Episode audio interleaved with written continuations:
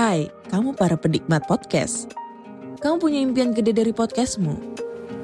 Terus First Story bisa banget bantu kamu. Mulai dari F-Link, Dynamic Audio Insertion, sampai statistik yang komprehensif.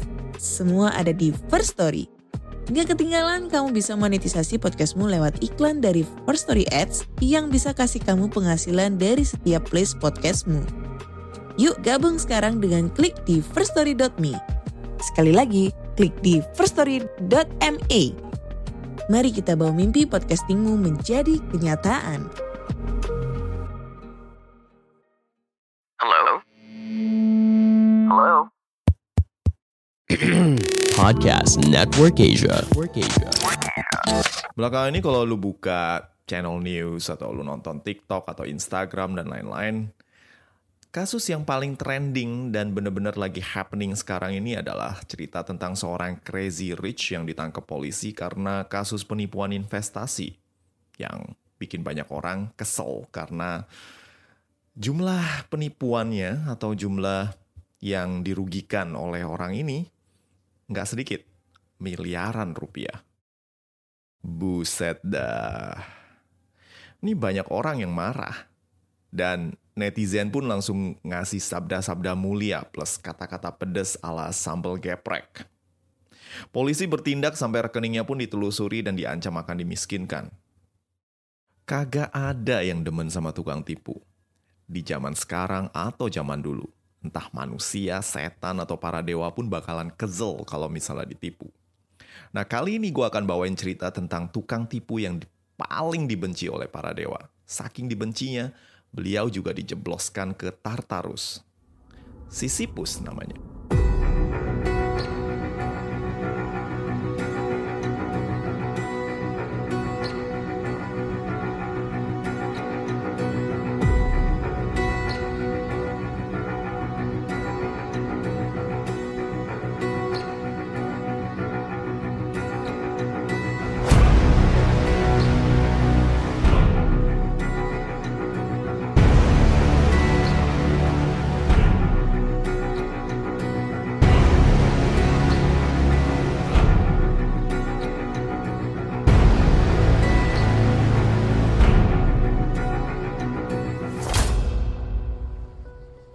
Cerita ini terjadi di Evira, yang kelak akan berubah nama menjadi Korintus.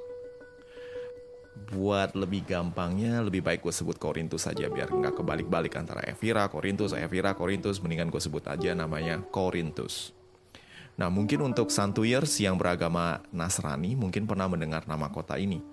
Nah kota ini terletak di daratan yang guru geografi gue waktu SMA bilang itu namanya Isthmus. Atau bahasa Indonesianya Tanah Genting, sebuah daratan sempit yang menghubungkan dua daratan besar dan diapit oleh dua lautan. Gitu kata guru geografi gua atau Wikipedia. Posisi Korintus di Tanah Genting memungkinkan kota ini mengandalkan perairan untuk berdagang dan juga tempat transit kapal.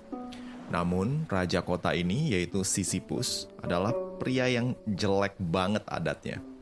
Kenapa? Dia ini licik dan sering sekali menipu para pedagang yang mampir ke Korintus. Ada aja kelakuannya. Kadang bilang bebas parkir kalau mampir di kotanya, tapi kadang setelah parkir eh dicegat dan diminta bayar setengah isi kapal. Kadang kapal juga dijarah dengan alasan melanggar hukum yang baru dibikin Sisyphus pas nongkrong di toilet tadi pagi. Kehidupan pribadinya pun penuh dengan skandal. Konon dirinya pernah menggoda keponakannya sendiri sampai hamil. Tapi, ah males lah gue ngegibah.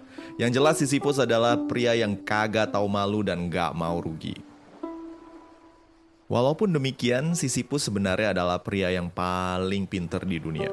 Sayang aja dia pakai kepintarannya itu buat, you know, cong tipu alias tukang tipu. Konon Odysseus, si pahlawan Yunani yang menemukan ide kuda kayu yang untuk diselundupin ke Troya di Perang Troya, adalah anak dari Sisyphus, walau resminya Odysseus adalah anak dari Raja Laertes.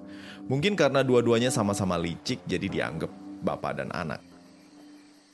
Jadi pada satu malam, Sisyphus ngerasa kebelet dan kepengen ke toilet.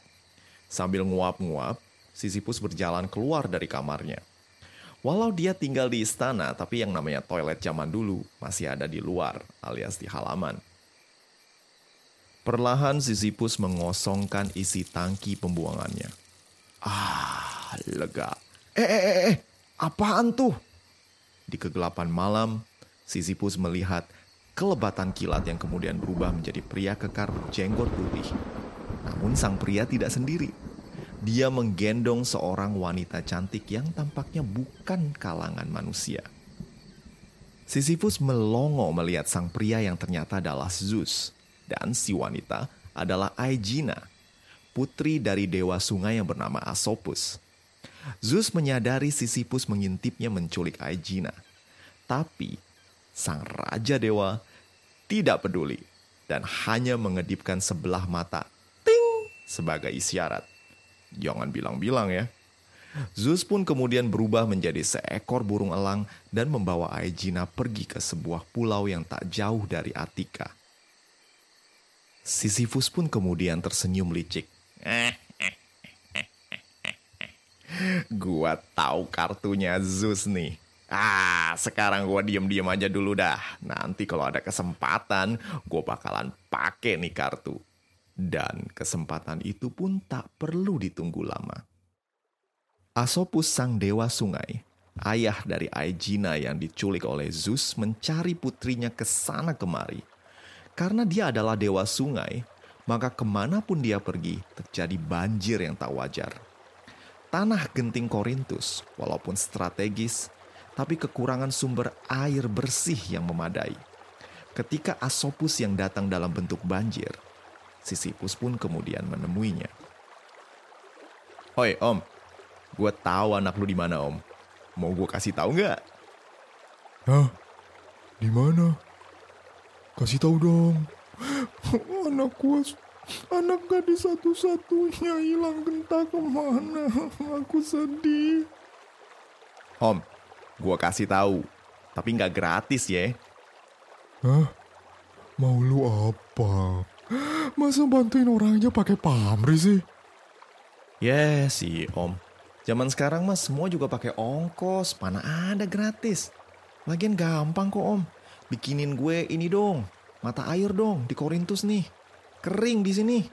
Ntar gue kasih tahu dah di mana Ejina. Oh, beneran ya? Nih, udah. Sekarang, di mana anak gue? Sisyphus pun kemudian menceritakan Asopus tentang pertemuannya dengan Zeus dan Aegina saat dia kebelet kencing malam itu. Asopus kemudian pergi ke pulau tempat Zeus menyembunyikan Aegina berdasarkan informasi yang diberikan oleh Sisyphus. Marah karena ketahuan, Zeus menyambar Asopus dan mengusirnya kembali ke tempat sang dewa sungai tersebut semestinya. Sementara Aegina telah hamil dan melahirkan seorang anak yang bernama Ayakus yang kemudian menjadi raja dari pulau yang kemudian diberi nama Aegina. Akibat ulah Asopus yang melabrak Zeus, kisah penculikan dan penghamilan Aegina ketahuan sama Hera. Hera yang seperti biasa kalau ngambek dan marah kagak berani sama suaminya, malah memberikan wabah ke kerajaan Ayakus yang berakibat tewasnya banyak penduduk di pulau tersebut. Ayakus kemudian berdoa kepada Zeus ayahnya untuk memberikan penduduk yang kuat dan berani sebagai ganti para penduduk yang tewas karena wabah. Zeus mengabulkan doa anaknya dan mengubah semut-semut di sebuah pohon oak menjadi penduduk yang kemudian dikenal dengan nama Myrmidons. Para Myrmidons ini yang akan kelak menjadi pasukan elit dari Achilles. Loh, kok bisa? Ya bisa dong. Ayakus ini adalah kakek dari Achilles. Tuh, kemarin ada yang nanyain gue tuh soal Achilles. Gue ceritain nih, tapi soal kakeknya. Gitu aja dulu. anyway, balik ke cerita Sisyphus. Zeus yang kemudian mengetahui kalau Sisyphus yang ngasih tahu soal kegiatannya malam-malam nyulik anak gadis orang, marah besar. Ditambah lagi reputasi buruk Sisyphus yang sering melanggar hukum Xenia, hukum yang ditetapkan Zeus tentang perlakuan baik terhadap para tamu. Ingat, para pedagang yang kapalnya sering mampir ke pelabuhan Korintus, nah, mereka yang sering curcol soal perlakuan semena-mena dari Sisyphus. Segera Zeus bertindak dan meminta Hades untuk mencabut nyawa sang Raja Korintus yang lancang plus ember itu. Hades, of course, tidak turun tangan sendiri, tapi mengutus Thanatos, yaitu sang kematian untuk menemui Sisyphus. Thanatos bisa kita bilang sebagai malaikat pencabut nyawa. Biasa digambarkan sebagai seorang pria muda dengan sayap dan pedang. Tapi dalam perkembangan mitologi Yunani, Thanatos memiliki senjata tongkat sabit yang sesuai dengan perannya yaitu sang penuai nyawa. Thanatos juga memiliki saudara kembar yaitu Hypnos, sang dewa mimpi. Keduanya diadopsi oleh manga Saint Seiya Lost Canvas sebagai pengawal Hades yang susah banget dikalahin. Eh, kok gue malah cerita komik, but you really need to check it out. Menurut gue cerita dari uh, Lost Canvas ini salah satu cerita yang paling menarik dari seri Saint Seiya. Wahai Sisyphus, waktumu sudah habis, ajalmu sudah tiba.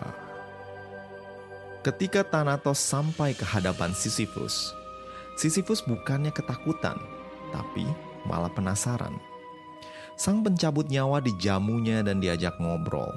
Berbagai kata sanjungan dan kata-kata hormat meluncur dari mulut Sisyphus dengan deras. Thanatos si Cooper yang jarang ngobrol dan lebih jarang lagi dipuji, merasa diawang-awang. Sisyphus pun kemudian meluncurkan scam berikutnya. Melihat sang pencabut nyawa datang dengan borgol dan rantai perak, Sisyphus pun kemudian pura-pura tertarik dengan alat yang mestinya akan digunakan untuk membawanya ke alam maut. Eh, ini borgol buat nangkep arwah ya? Gile keren banget. Coba tes dulu dong, pakainya gimana bro? Gue pengen lihat. Sisyphus yang belum pernah dibilang keren dan dipanggil bro, dengan polos menunjukkan caranya. Ketika ia ingin memborgol Sisyphus, Sisyphus dengan cerdik mengelak dan berkata, Eh, wait, wait, wait, wait, wait, wait. Tunggu dulu bro, tunggu. Ngetesnya jangan sama gua dong. Kalau sama gua bukan ngetes lagi namanya. Coba lu yang pakai dulu dah. Gue pengen lihat bentar aja bro. Thanatos yang lugu memakai borgol perak tersebut. Dan dia tidak bisa melepaskan diri. Sisyphus yang berhasil memperdayai sang kematian menyeret Thanatos dan menjebloskannya ke penjara bawah tanah miliknya. Sisyphus si licik telah berhasil mengakali maut dan menjadikannya tawanan. Nah, dengan ditawannya Thanatos oleh Sisyphus, tak ada yang mencabut nyawa para manusia di bumi. Orang-orang yang tengah mengalami sakratul maut dengan pedih berharap nyawa mereka dicabut, tapi kematian tak kunjung datang. Di medan perang pun terjadi fenomena aneh. Para prajurit yang bertempur saling melukai namun tidak ada yang modar. Ada yang perutnya tersayat dengan usus berantakan tapi masih hidup dengan penuh kesakitan. Ada yang kehabisan darah tapi nggak mati-mati. Hal ini membuat pertempuran di medan perang lebih mirip film dark comedy daripada peperangan yang haus darah. Ares, sang dewa perang pun murka karena tanpa adanya kematian perang jadi nggak seru lagi. Ares pergi menghadap pamannya Hades yang ternyata juga lagi uring-uringan karena suplai arwah ke alam maut terhambat. Selidik punya selidik, Hades pun kemudian mengetahui ke mana Thanatos dan Ares yang kagak sabaran langsung melabrak istana Sisyphus. Sisyphus sejak awal sudah menduga bahwa dia tidak mungkin bisa memenjarakan Thanatos selamanya. Mendengar deru peperangan yang semakin dekat ke istananya, Sisyphus meminta istrinya untuk melakukan sesuatu yang tidak terduga. Sayang, bentar lagi gue mati nih. Tolong jasad gue jangan dikubur ya. Lu buang aja ke kali atau ke laut, oke? Okay? Hah? Gimana sayang? Masa dibuang ke laut? Nggak dipakein upacara apa-apa gitu? Ntar arwah lu penasaran loh. Udah ah, bawel. Dengerin aja napa sih? Ares mendobrak penjara bawah tanah Sisyphus dan melepaskan Thanatos dari belenggunya. Thanatos yang emosi karena dirinya dipercundangi oleh Sisyphus tanpa tendeng aling langsung membawa Sisyphus ke alam maut. Sesampainya di alam maut, Sisyphus dihadapkan kepada Persephone karena Hades kebetulan lagi pergi ke Tartarus untuk menghukum Tantalus. Sisyphus yang cerdik dan pandai bicara lagi-lagi kembali menggunakan skill speak-speak iblisnya untuk menaklukkan Persephone. Dengan membelah Sisyphus memohon kepada Persephone untuk diizinkan kembali ke bumi. Dirinya beralasan kalau dirinya belum dimakamkan dengan layak oleh sang istri. Dirinya tak layak jadi arwah penasaran. Dan dia berjanji akan kembali ke alam maut setelah meminta istrinya untuk menguburkannya dengan layak. Persephone mendengarkan dengan penuh perhatian. Sang dewi musim semi ini memang punya hati yang lembut dan dia tidak ingin Sisyphus menjadi arwah penasaran hanya karena istrinya yang lalai. Akhirnya, Sisyphus pun kemudian diizinkan untuk kembali ke bumi hanya untuk mengurusi pemakamannya. Tapi, once a cheater, forever a cheater. Sisyphus pun kemudian malah kabur bersama istrinya dan hidup jauh dari Yunani selama bertahun-tahun. Zeus yang kemudian mengetahui bahwa Sisyphus masih hidup damai asik-asikan sama istrinya langsung marah besar. Tak percaya lagi dengan Thanatos, Hermes diperintahkan untuk menyeret Sisyphus ke Tartarus. Di neraka jahanam inilah Sisyphus disiksa dengan metode yang sesuai dengannya. Hades dan Zeus menempatkan Sisyphus di kaki sebuah bukit yang terjal. Hoi, tukang tipu. Nih, dorong nih batu sampai ke puncak kalau lu berhasil lu boleh hidup lagi. Demikian kata Hades. Sisyphus yang tidak punya pilihan lain selain menurut, dengan sekuat tenaga mendorong batu besar tersebut ke arah puncak bukit. Namun ketika dirinya hampir berhasil ke puncak bukit, batu tersebut tergelincir dan kembali ke dasar. Hal ini terjadi berulang-ulang, dan Sisyphus pun terus mengulangi aksinya mendorong batu sebagai hukuman selama-lamanya. Hukuman ini melambangkan sia-sianya usaha dan kerja keras menentang kehendak para dewa. Dan Sisyphus, well, let's say, dia kena batunya kali ini. Nah, demikianlah episode penghuni neraka kali ini. Sebelum berpisah, gue pengen ngucapin terima kasih buat Livaldi yang udah traktir gue di laman traktir mitologi santuy. Katanya dia demen banget topik-topik kayak Atlantis, fakta, atau mitos. Demen juga sama researchnya. Thank you Livaldi. Buat para pendengar yang kepengen gue ngebahas topik-topik yang kayak gitu, silahkan kasih gue usul. Silahkan DM gue di IG Mitologi Santuy. Kali aja gue bisa dapat inspirasi dari kalian semua. Anyway, buat kalian yang kepengen dukung podcast ini, silahkan mampir ke laman traktir Mitologi Santuy. Gue bakalan terima kasih banget buat semua traktiran yang kalian berikan. Thanks ya, and see you again in the next episode. Ciao! Pandangan dan opini yang disampaikan oleh kreator podcast, host, dan tamu tidak mencerminkan kebijakan resmi dan bagian dari podcast Network Asia. Setiap konten yang disampaikan mereka di dalam podcast adalah opini mereka sendiri dan tidak bermaksud untuk merugikan agama, grup etnik, perkumpulan, organisasi, perusahaan, perorangan, atau siapa pun dan apa pun.